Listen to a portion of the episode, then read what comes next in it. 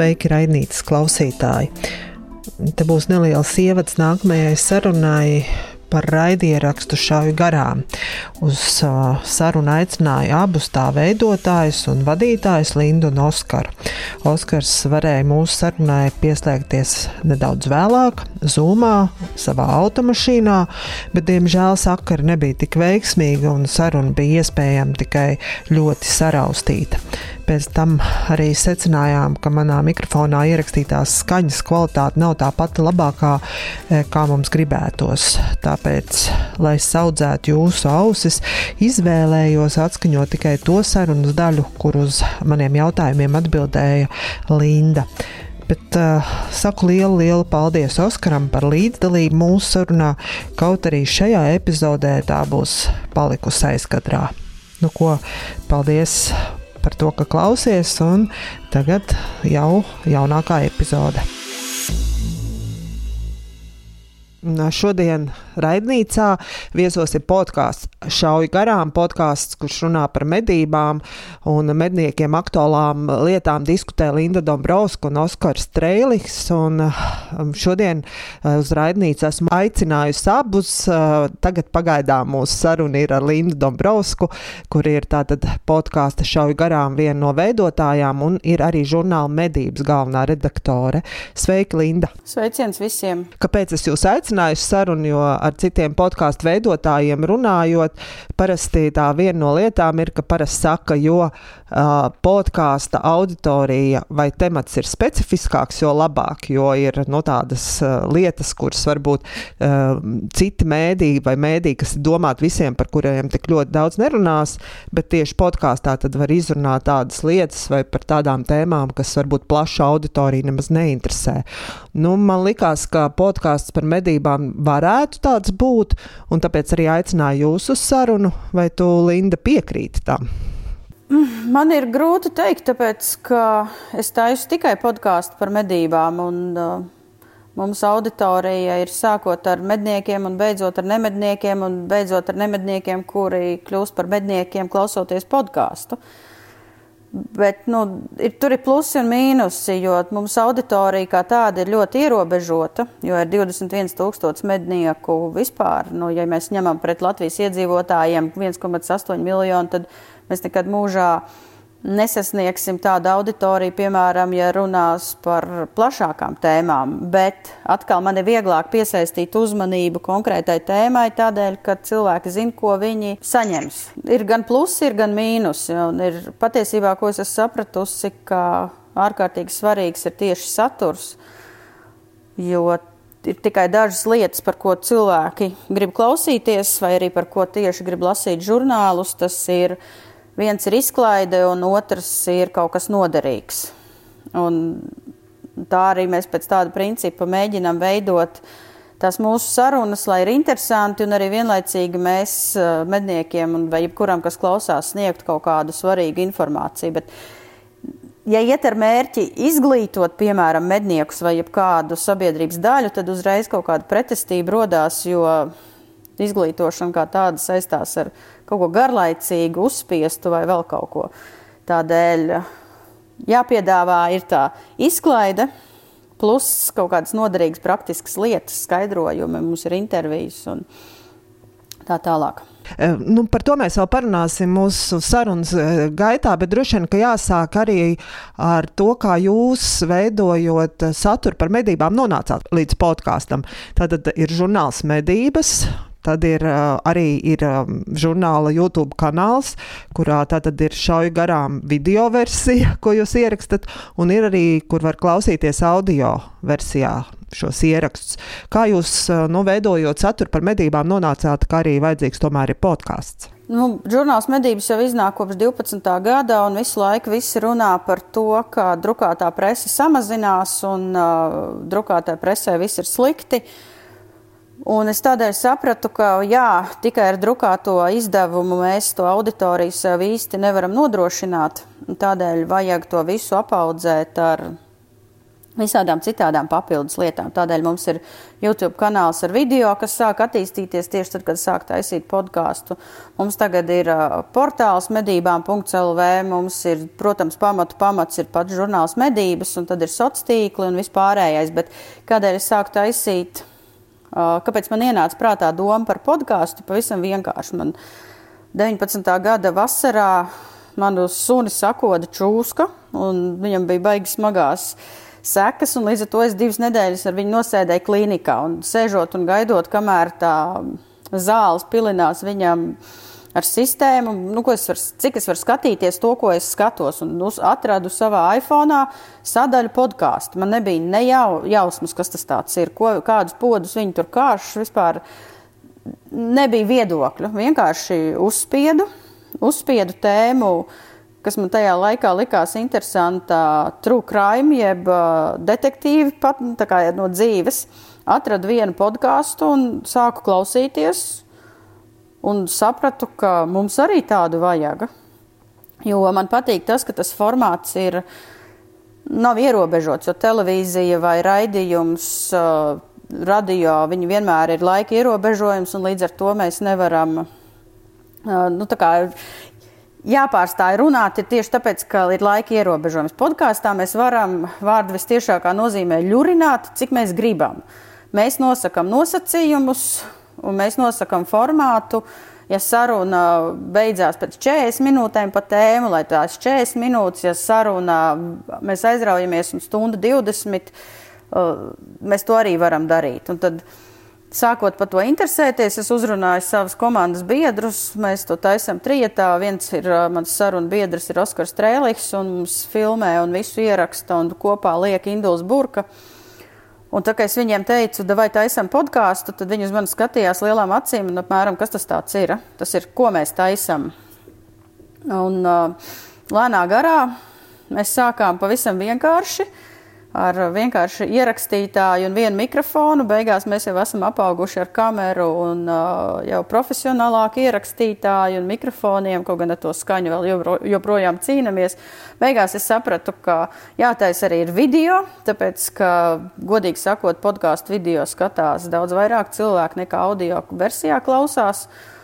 Un tad līdz ar to mēs video varam integrēt arī ļoti elementāri varam kaut kādus reklāmas elementus integrēt, uh, likt klāt intervijas, viesoties, braukt. Nu, man patīk tas podkāstu formāts, tāpēc ka nav ierobežojumi. Jaunākais, ko mēs taisījām, vienkārši bijām Ungārijā ar Oskaru uz Eiropas čempionātu stāvbriežu piebaurošanā un braucot autobusā ierakstījām sarunas, sēžot pie galdiņa ierakstījām sarunas. Un mēs to epizodu varam uztaisīt jebkurā brīdī, jebkurā laikā, pa jebkuru tēmu Un cilvēkiem patīk, ka eksperimentē. Nu, nevis tā kā statiski visu laiku štancē, štancē, štancē. Viņi pie tā pieroda nogurst, bet viņiem patīk kaut kādas jaunas, interesantas lietas. Nu, tā mēs arī turpinam eksperimentēt. Nu, patās mums bija eksperiments, kas īsti nesanāca, bija hibrīdā epizode. Mēs ar Induli filmējām klātienē un Oskars caur datoru, bet tur kaut kas ar skaņu aizgāja grīstē. Bet, nu labi, būs arī tāda epizode, kur Oskars izklausās mucā. Bet, nu, Um, no tādām kļūdām jau mācās. Mēs jau neesam nekādi profesionālie uh, nezinu, skaņas ierakstītāji, un mēs neierakstām studijā. Un kādi ir tavi secinājumi, veidojot tik dažādu saturu dažādās platformās? Varbūt tu esi novērojis kaut ko tieši par podkāstiem, vai tu esi secinājis, kas ir tajos podkāstos tāds īpašāks? Pēc tam, kad mēs sākām taisīt podkāstus, tā atgriezeniskā saite no mūsu lasītājiem un tieši no mūsu klausītājiem un skatītājiem ir, ir krietni lielāka nekā tikai un vienīgi no žurnāli, jo no, par, nu, žurnāls ir tāds ieliec plauktiņā, un tie cilvēki, kas tur to taisa, liekas tādi tāli, neaizsniedzami, nevar uzklikšķināt uz bildes vai vēl kaut ko. Savukārt tā komunikācija ar to mūsu auditoriju tieši ar podkāstu un ar video ir kļuvusi daudz ciešāka. Mēs bieži vien arī prasām sūtiet tēmas, pa kurām jūs gribat, lai mēs runājam, ir komentāri, diskusijas, un tas viss process ir kļuvis tāds, nu, Kā saka, mēs esam daudz tuvāk tautai. Mums ir gan pozitīvi, gan arī negatīvi viedokļi, kas ir ļoti labi.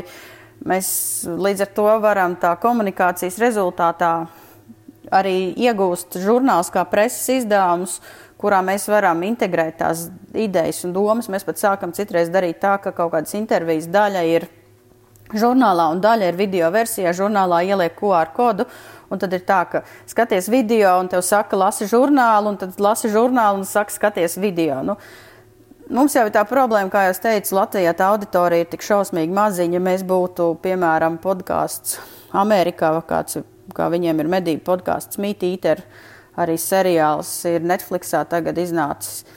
Nu, viņiem tā auditorija ir angļu valodā krietni lielāka. Nu, viņi, viņi mērās simtos tūkstošos, miljonos, mēs te sakasam pāris tūkstošus un esam laimīgi. Kas ir jūsu auditorija? Vai tu tā pazīsti sejā? Tas ir mednieks, kas gadu desmitiem jau gājis uh, medību klubā medīs, vai tie ir tie jaunie, kas vēlas doties, vai tie, kas ir sākuši nesen medības, varbūt pastāst, kas ir tieši podkāstu klausītāji. Mums tā auditorija ir šausmīgi dažāda, bet nu, pēc statistikas ir tā, ka visvairāk mūsu skatās un klausās 25, 35 gadīgi, kas ir jauna auditorija, ko varbūt dažādu aizspriedumu dēļ. Tieši tas, ka žurnāls ir veciem cilvēkiem domāts, man līdz šim nebija iespējams sasniegt. Tieši tāda pati auditorija ir gan Instagram, gan Facebook. Uh, Uh, bet arī skatās principā visās vecuma grupās, un kā pēc komentāriem es jau esmu sapratusi, ir gan veci mednieki, gan jauni mednieki, ir cilvēki, kas nav mednieki, kas man pārsteidzis vairāk, jo tās tēmas mums ir patiesībā diezgan specifiskas. Un, un tad ir virkni cilvēku, kas ir ne, ne viens, ne divi, bet vairāki, kuri klausoties podkāstu, ir kļuvuši par medniekiem, kas man vispār liekas kaut kāds kosmos, jo uh, Bet kā no otras puses saprotu, ka mēs veidojam tādu tā savu. Nu, kā saka, mums, kas to taisa, tad medības ir dzīvesveids. Nu, principā es nedaru neko citu. Tas, nu, tas nenozīmē, ka es katru dienu eju uz mežu medīt, bet tas nozīmē, ka es nedarbojos ne ar vienu citu tēmu. Un, un tad mēs ap sevi veidojam tādu tā kā klubiņu, mēs dalāmies savā pieredzē, un ja cilvēks no malas klausās un skatās, es pieņemu, ka viņam gribās arī iekļūt šajā klubiņā, un to viņš var panākt, nokārtojot, ejot kursos un nokārtojot eksāmenu. Jo tā auditorija ir tieši, tiešām ļoti dažāda. Klausās jaunie, klausās vecie. Mans tēvs, kuram ir 70 pāri gadi, klausās, sūta saviem draugiem. Es saku, tas podkāsts atklāja pilnīgi jaunu pasauli, par kuru man vispār nebija nojausmas, ka kaut kas tāds eksistē. Jā, paklausieties arī jūsu epizodes. Savā ziņā jums ir ļoti interesanti, jo Man liekas, no vienas puses plašākai sabiedrībai, kur medībās neiet, bet kaut ko pēkšņi izlasa par lāčiem vai par lūšiem vai kaut ko tādu. Portālos visiem ir viedoklis par medībām, ko var, ko nevar, kāpēc dara, ko pēc nedara. Un droši vien šāds podkāsts varētu būt arī no tāds plašāks sabiedrības, no tāds izglītojošs, vai ne? Bet arī klausoties jūs, es jau saprotu, ka arī medību klubu ietvaros mednieku vidū ir dažādas frontes, dažādas pieredzes, dažādi uzskati un jums arī nu, šajā lauciņā, nu, katrā ziņā ir nu, jāspēj gan viens, gan otrs uzklausīt un dažādas šīs puses arī atspoguļot un savus viedokļus par to teikt. Kā jums tas izdodas? Vienmēr ir interesanti, bet es kā vienmēr saku, podkāstā mēs paužam savu personīgo viedokli, un, un tā, tā mērķis ir veicināt diskusiju. Tas ir, nu, tu vari piekrist, tu vari nepiekrist, bet uh, galvenais, ka mums ir diskusija, mēs saprotam, ja ir kaut kādas pretējas viedokļas, raksti komentāros, mēs saprotam, ka ir arī citi viedokļi, un tad mēs varam diskutēt no dažādiem aspektiem, kā ir tā, kā ir šitā. Un uh, ir jau citreiz, ka pārmetumi, ka mēs domājam nepareizi vai domājam pareizi, bet es vienmēr saku, ka nu, mēs jau nevaram domāt pareizi vai nepareizi. Mēs varam tikai attīstīties. Un, ja mums ir cita informācija, tad, protams, viedokli var mainīt un attīstīties tālāk. Un mums, protams, ir jāievēro politkorektums un jāņem vērā, ka mūs klausās nemednieki. Tas nozīmē, ka mēs nevaram reālos mednieku stāstus stāstīt tādā slēngā, kā runā mednieki. Bet no otras puses šī ir iespēja pastāstīt nemedniekiem ka tā tas notiek. Nu, ja tu gribi kotleti, tad uh, kotleti mežā ir jānomedī, jo kamēr tas salnis pa mežu staigā, tikmēr to kotleti nedabūs. Bet atkal no otras puses ir jāmedī saskaņā ar normatīvajiem aktiem, ar noteikto limitu un jā, jāmedī ir pareizi, tā lai nākotnē arī tā kotleta pa mežu staigātu. Nu, lai tā, nav tikai kotleta šodien. Un tad no tā aspekta arī mēs diskutējam. Nu, protams, mums ir bijuši arī stipri, bet ļoti, ļoti maz ir bijuši antimednieki. Ir ja īpaši lūšu sakarā, ka viens kungs man zvanīja un stāstīja, ka cilvēks ir parazīts un ka izmanto dabu, kam es īsti viņam nepiekritu, jo cilvēks ir tāpat dabas sastāvdaļa. Beidzās ar to, ka es viņu nobloķēju, viņu numuru. Viņš rakstīja ēpastus un komentēja un teica, ka man esot nepareizi blūzīte un vēl nepareizi apģērbs, bet nu, tie ir šausmīgi reti gadījumi, jo pārsvarā jau mēs arī runājam par to, ka nu, katram ir savs viedoklis, un kāds negrib ēst gaļu, nu viņam nav jāēd gaļa. Mēs arī jau nemēģinām pateikt, ka visiem ir jābūt medniekiem. Nu, tas, tas nav ilgspējīgi. Visi pasaules iedzīvotāji nevar būt mednieki. Bet, Principā mazliet ir jālaipo, ir mazliet jāpiedomā, ir jāizsakās politiski korekti un arī korekti ņemot vērā normatīvos aktus, jo o, mums ir jārunā tā, ka kāds nevar pārprast to, ko nosaka likums un noteikumi, nu, lai nav tā, ka kaut kādas interpretācijas pēc tam ir. Un, uh, tas, ir tas nav viegli, bet patiesībā šausmīgi interesanti. Un, un labākais tas gandrījums ir par to, ka tas rezultāts arī ir. Protams, vienmēr gribētos, lai vairāk klausās, bet tas pluss ir tāds, ka tos visus, visas epizodes skatās visu laiku. Mums ir fani, kas klausās divas, trīs reizes, ir tādi, kas liek visiem radiem draugiem, mednieku kolektīvam skatīties. Un tā tālāk. Jā, es vēl par to laipošanu gribēju te paprasīt, jo es tieši klausoties arī domāju par to, ja būtu kāds, piemēram, vegānu podkāsts, diez vai nu vegānu podkāstu veidotājiem būtu jādomā par šo politkorektumu un laipošanu, lai nedod Dievs kāds gaļēdājs neapvainojās. Jums tomēr tā tēma ir tik, no tādā savā ziņā arī cilvēki ar tik kategoriskiem viedokļiem, ka jums tas nākas darīt. Vai, vai tev kādreiz nav bijis tā vēlme radīt tādu saturu, kur tev par to nav jādomā? Oh, es laikam nē, tāpēc ka es esmu ļoti pieradusi, jo mums ir princips ir tāds, ka mēs vegānus par stulbiem neapsaukājam. Tas ir tā ir viņu izvēle. Bet, ja viņi kaut ko nepareizi vai savādāk, nu, man negribās teikt nepareizi, bet kaut kādas izsaka secinājumus vai spriedumus vai stereotipus, kas īsti neatbilst patiesībai, tad to jau var pateikt, bet nu, man ir viens no galvenajiem principiem ir tāds, ka medniekiem sociālos tīklos un arī šādās diskusijās ir jābūt ļoti, ļoti pieklājīgiem, mums savs viedoklis ir ļoti pieklājīgi argumentē, pat tad, ja mums brūk virsū vegāni, veģetārieši un vēl visādi citādi dzīvnieku tiesību aizstāvji. Uh, Jo nu, savādāk tā nav mednieka cienīga rīcība, ņemt un lamāties. Nu, ja viņš nāk virsū ar kaut kādiem apgalvojumiem, nu, nu, tās ir viņa tiesības, bet nu, tā, mūsu, mūsu tiesības ir pateikt, piedod, es tevi dzirdu, bet es tev nepiekrītu. Nu, man ir savs viedoklis. Tad, uh, Tādēļ arī es pieņemu, ka mums jau to uzbrukumu vai pārmetumu vai ļauno komentāru šausmīgi maz ir. Nu, man personīgi ir rakstījuši, lai mani tur nošauj vai lai man tur vēl kaut kas notiek, un man ir teikuši, ka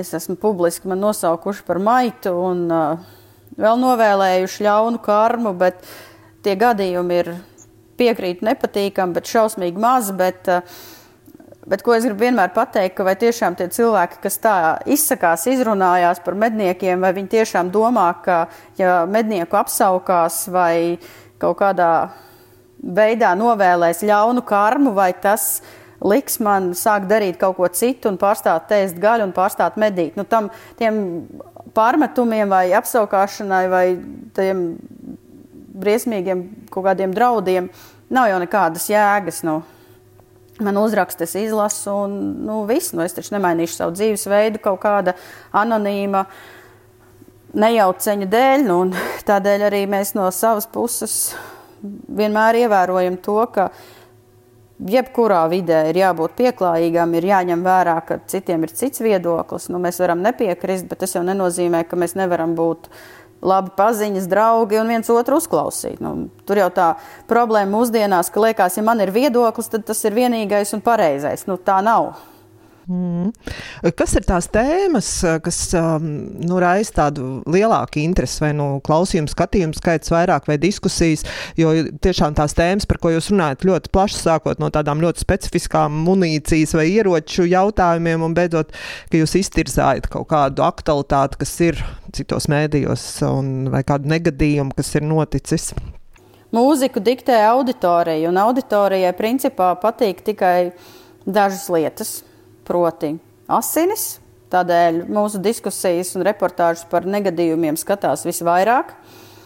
Un tādēļ mēs arī mēģinām skaidrot, kas ir pareizi, kādas kļūdas, un mēģinām uzsvērt to, ka tas ir šausmas, tie negadījumi, traģēdijas, un ir jādara viss iespējamais, lai nekas tāds vairs nenotiktu. Un, un, tur, tur tas ir vienkārši dramatiski. Uh, O, tad ļoti klausās tieši mednieki par kaut kādiem likuma skaidrojumiem, jo it kā likumi ir uzrakstīti, likumi ir skaidri, bet uh, patiesībā ir visādas dažādas interpretācijas, un katrs lasa kā grib.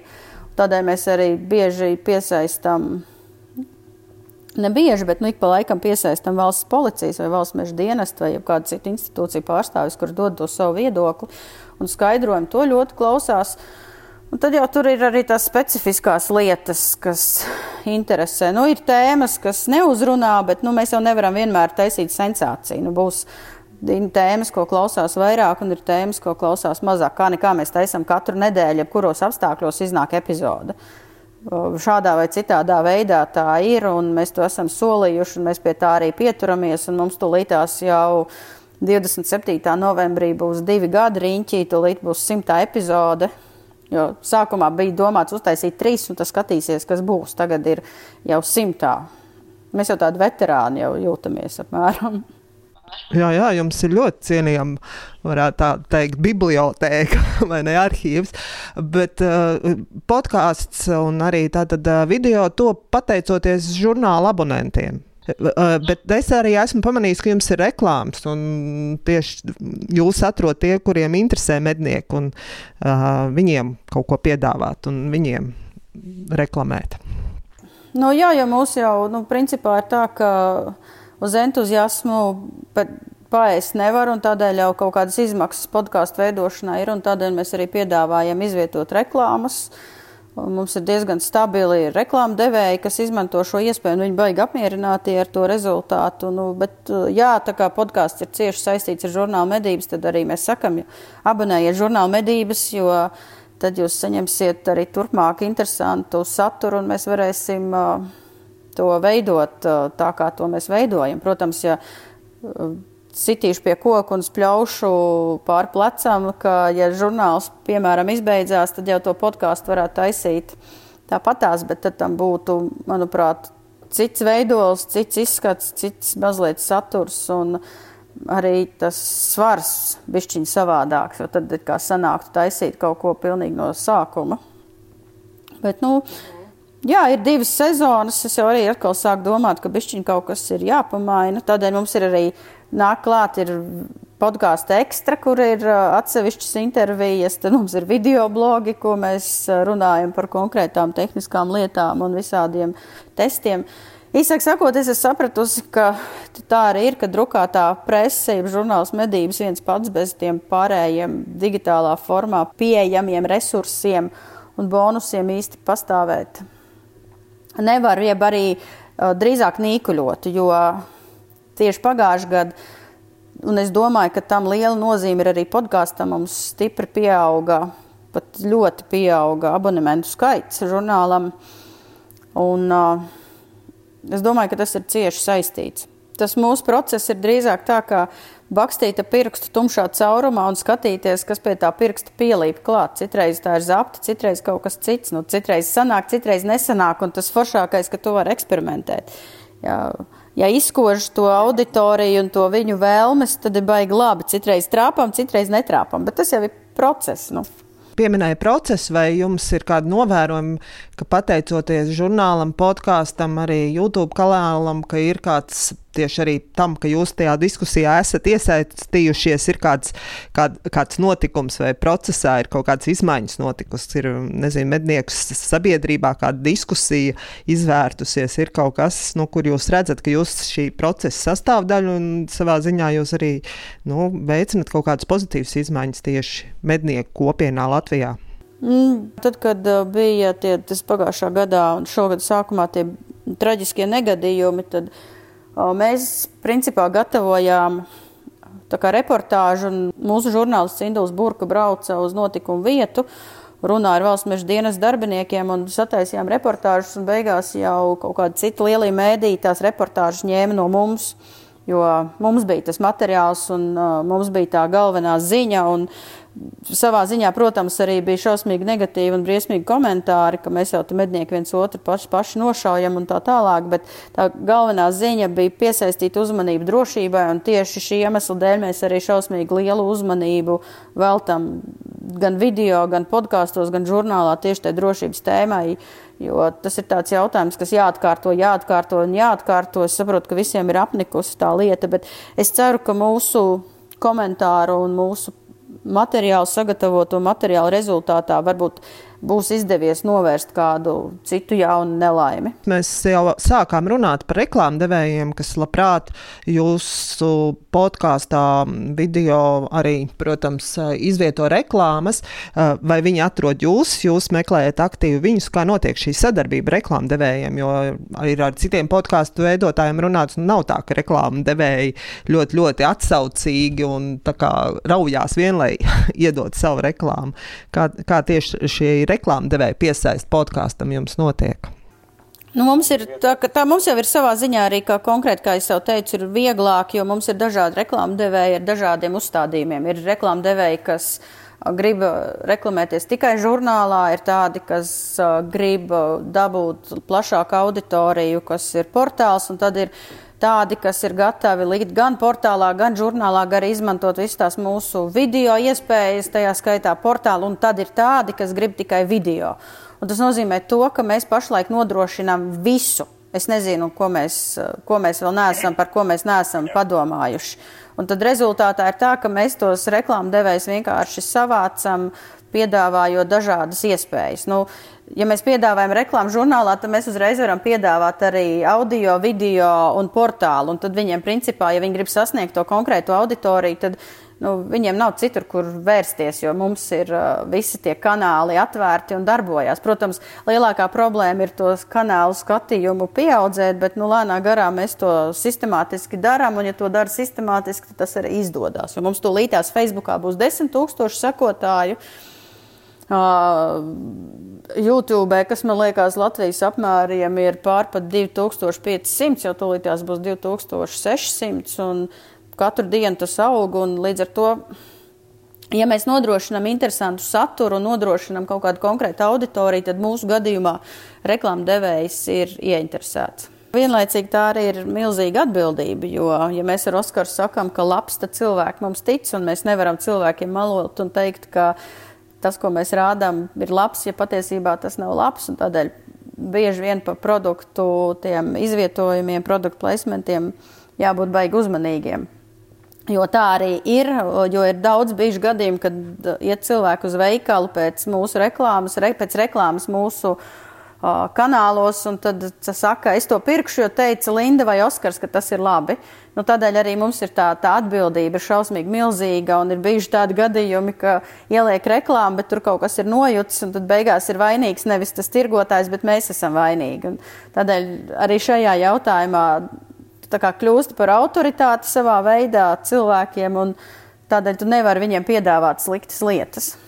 Jo tieši man tas, šīs reklāmas, ko es esmu pamanījusi, ka man liekas, tas arī tā parāda to, no, nu, to podkāstu nišas un to, cik tas ir patiesībā, ja podkāstam ir šī konkrēta auditorija, arī reklāmu devējam interesē uzreiz atrast un, un tikt pie jums, lai varētu arī uzrunāt šo savus potenciālos pircējus. Nu, jā, ir divas, divas iespējas, vai nu ir kādam blogerim ir šausmīgi vai influencerim ir šausmīgi milzīga auditorija, ko var izmantot, bet tēma tēma plašāka, vai arī mūsu gadījumā salīdzinoši mazāka auditorija, bet šausmīgi specifiska, nu, ļoti specifiska un to tēmē un šauj ļoti precīzi. Protams, mēs jau nekad nevaram garantēt, ka cilvēku tas uzrunās, jo, ja tiek piedāvāta kaut kāda lieta, kas vispār neinteresē, nu, tad mēs viņus piespiest to, par to interesēties nevaram, bet mēs varam informēt, un mēs esam, ko es vienmēr uzsveru, mēs esam ziņneši un nevajag šaut ziņnešus. Tā kā Jo mēs jau neat, nu, mēs atbildam par saturu, bet uh, mēs jau nevaram garantēt to tirgotāja vai pakalpojumu sniedzēja gar, kvalitātes garantiju. Bet mēs, protams, pēc tam varam runāt, ka kaut kas bija slikti. Bet es domāju arī par to iespēju, vai jūs, varbūt jūs esat par to runājuši, par to domājuši, ņemot vērā to, ka jums jau simtā epizode ka iespējams jums vajadzētu jau sākt veidot tādu maksas kanālu, kur varbūt arī jā, ir šīs bezmaksas pieejamās epizodes plašākajai sabiedrībai, bet tad jau ir, kur jūsu auditorija maksājot nelielu naudu, varbūt arī tas saturs, ka jums nav jālaipo, ka jūs varat runāt medniekiem, kā ar medniekiem runā par tēmām, nu tā kā ir, nedomājot, ko par to padomās tie, kas medībās neiet, un ka tādā veidā arī attīstīt savu saturu un kļūt vēl interesantākiem. Tas ir plānā, un uh, YouTube kanālā tādas iespējas ir. Uh, pašlaik mēs esam diskutējuši, cik cilvēkus tas varētu uzrunāt, un es domāju, ka jau uz nākamo gadu mēs uz kaut ko tādu būsim nobrieduši, jo, uh, jo pašlaik mums ir jau ar vien plašāk, plašāks, plašāk resursi un plašāk iespējas pieej, pieejamas, jo tas viss aug ģeometriskā proporcijā. Ja tev ir kanālā 38 sekotāji, tad visiem liekas, ka neviens neseko un nevienam neinteresē, un tas sākumā tie sekotāji nāk klāt šausmīgi lēni.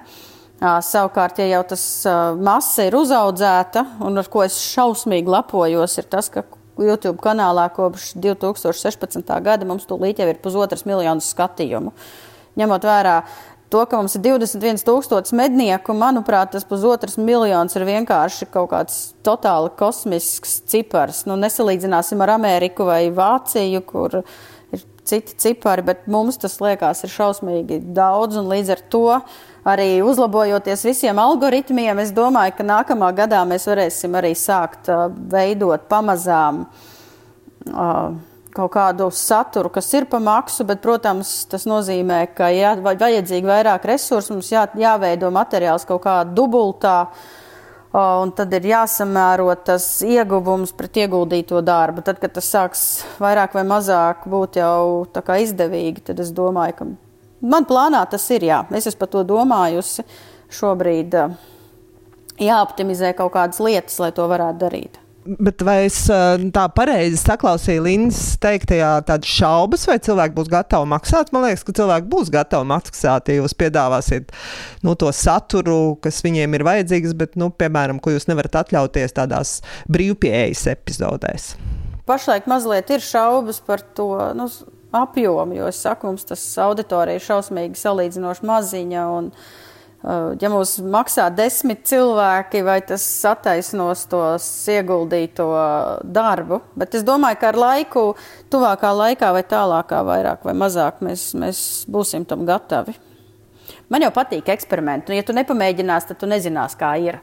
Es, es jūs varētu iedrošināt, jo man liekas, jums ir laba auditorija, jums uzticīgi, viņi jums uzticas. Līdz ar to, ja jūs viņiem solat, ko iedot tādu, ko viņi brīvpieejas epizodē nedabūs, es domāju, kāpēc gan ne. Bet āķītis, man liekas, ir tas, ko jau Linda sarunas sākumā teica par to, ka bieži vien ir jādomā, ka jūs klausās arī tie, kas medībās neiet, ir, kuriem varētu būt cits viedoklis, ja šajās epizodēs var klausīties tādus īstos mednieku stāstus, ne, nebaidoties par to, ka kāds klausīsies, kuram tas viss nav pieņemam, tad es domāju, kāpēc nē. Nu, bet tā ir mana versija. Tas ir tikai tā klausoties, ko jūs man stāstat. Apmēram tā, ka, nu, ja tu maksā, tad zini, pa ko, pa ko maksā, jo tu vari saņemt arī to, ko tu negaidīji. Tie es runāju par tiem, kas Jā. ir nemednieki un izdomā ie, ielausties tajā vidē. Kā tev ir veidojot, vadot podkāstu par medībām, cik bieži tev nu, pārmet to, vai kaut kā ir saņemti kaut kādi komentāri, ka kā, kā no to podkāstu par medībām vada sieviete, vai kādreiz tev ir bijuši kaut kādi komentāri arī par to? Nu, savā ziņā es esmu celmlauzis, jo es medībās eju kopš 99. gada, jeb oficiāli man ir uh, mednieku apliecība kopš 99. gada. Un pats sākums bija tāds, ka man bija 15 gadi, un tās man ņēma līdzi, mēģināja ņemt līdzi dzinēju medībām. Tad vietējais kolektīvs pateica, ka tai tur uh, gaļas porcija jau nu nedos, jo, nu kā, nu, meitene un neko nesaprot. Bet, nu, mēs esam, es esmu ar visiem saviem atbalstītājiem lauzusi tos daudzus stereotipus, un es domāju, ka Latvijā šobrīd arvien vairāk pieaug tieši mednieču sieviešu skaits. Statistikas šobrīd nav, jo valsts meža dienests mednieku sezonas kartē neprasa atzīmēt ķeksītī sievieti vai vīrietis, bet uh, cik es redzu sociālos tīklos un visur pārējos, tagad jau gandrīz katrā klubā ir viena, divas, varbūt trīs dāmas mednieces, un tas jau vairs nav nekas stipri jauns un stipri pār, pārsteidzoši, tīpaši ņemot vērā kaut kādas skandināvu valstis, kur ļoti daudz sievietes iet medībās. Bet, nu, ik pa laikam ir kaut kādas dīvainas, dīvaini komentāri un dīvaini teksti, kas man īpaši nav saprotams. Piemēram, sieviete, kas dod dzīvību, nevarētu nogalināt. Mans viedoklis ir gluži otrādi, tāpēc, ka sieviete dod dzīvību, viņu varētu arī nogalināt. Un, ja mēs paskatāmies uz uh, vēsturi, tad kamēr uh, džeki barā dzinās pakaļ mamutam, kādam tie bērni un tās ģimenes bija jābaro, un tad bija sievietes, kuras gāja medībās, lamatoja un ķēra mazos dzīvnieciņus un sagādāja kažokādas apģērbu un barību savam ciemam, jo, nu, kā, nu, džeka aiziet uz mēnesi, noķers mamutu, nenoķers mamutu, neviens jau nezina, tādēļ tas stereotips, ka sieviete nav vai ka sievietē medības ir kaut kas svešs, ir pilnīgi no vēsturiskā aspekta nepatiesa. Bet, nu, Stereotipi ir un kas mums ir sabiedrībā, ir novērots, ka, piemēram, tieši sociālos tīklos sievietēm medniecei uzbrūk daudz vairāk, jo, piemēram, nu, vecis, vecis, nu, normāli kaut ko nomedījis, nu, viņi izmanto vārdu nošaut, mēs nesa, nesakam nošaut, mēs sakam nomedījis, nu, tas ir kā normāli, bet tad ir pārsteigums, ka, ja sieviete to ir izdarījusi, un tas brīžiem pārsteidz tas daļas sabiedrības kaut kāds naids un vēlmē ielikt kādu rāmītī vai vērtēt pēc saviem principiem un savām vērtībām. Šis ir mans ceļš. Es to eju, un uh, mans novērojums ir tāds, jo es lepnāk un uh, nebaidoties un skaļāk par to runāju, jo cilvēkiem ir uh, mazāk iemeslu to apšaubīt. Jo, ja es uh, tos pasniedzu, kā nu varbūt jā, un varbūt nē, un es negribu par to stāstīt, tad cilvēks sajūt tādu kā uh, vājumu mirkli, un tad uh, tam vājumam uzbrūk. Bet, ja es pasaku, tas ir mans dzīvesveids, es ar to lepojos, man apkārt ir mednieki, kas domā līdzīgi, man apkārt ir cilvēki un draugi, kas to atbalsta. Man nav no kā kaunēties. Kā šie stereotipi tev palīdz vai traucē veidot, vadīt podkāstu? Nekā, nu jau nekā. Ja es sāktu, ja mēs ar Oskaru to sāktu darīt pirms 20 gadiem, tad uh, man prasītu, kas tā tāda un ko viņi saprot. Šo šajā brīdī jau tā nav. Kaut gan pagājušā gadā es aizbraucu, es esmu arī sporta šāvēju, es aizbraucu uz vienu semināru stāstīt uh, mednieku kolektīviem, kā šaut uz lidojošiem šķīvīšiem.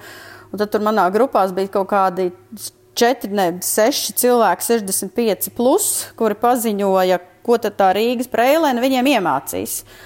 Nu, bet tad, kad beigās viņi varēja sašaut visu, ko nevarēja sašaut sākumā, tad viņu viedoklis mazliet mainījās. Nu, Bet nu, mums ir jāsaka tā, ka mums žurnālā medības lielākais autoru kolektīvs ir tieši dāmas. Mums ir raksta Kata Štārna, es rakstu Emīlija Marišēva, raksta Induls Burka, galvenais rakstītājs. Mums ir tā kā minoritāte starp sievietēm. Tā kā tie stereotipi jau tiek lausti un uh, Un patiesībā es neteikšu, nav ne labāk, ne mazāk viegli vai vienkārši kā ir, tā ir. Nu, kaut kāds jauns no malas uzrādīsies, viņš prasīs, jā, ko viņa zina, bet nu, zinu vairāk nekā viņa domā. Kaut kā tā. Labi, tad uh, visus tos, kurus ieinteresējas jūsu saturs, tad aicinu meklēt jūsu podkāstu un, un, un sekot līdzi. Un tad uh, veiksmīgi jums ar jūsu projektiem, idejām attīstīt tās un atrast jaunas un vēl dzirdīgas ausis. Nu jā, un tā kā tu mūs atradi, tad man jau liekas, tas jau ir sasniegums. Es domāju, kad tas notiks? Beidzot, tas notika. Mēs sakām, šauj garām un jaktēji būt.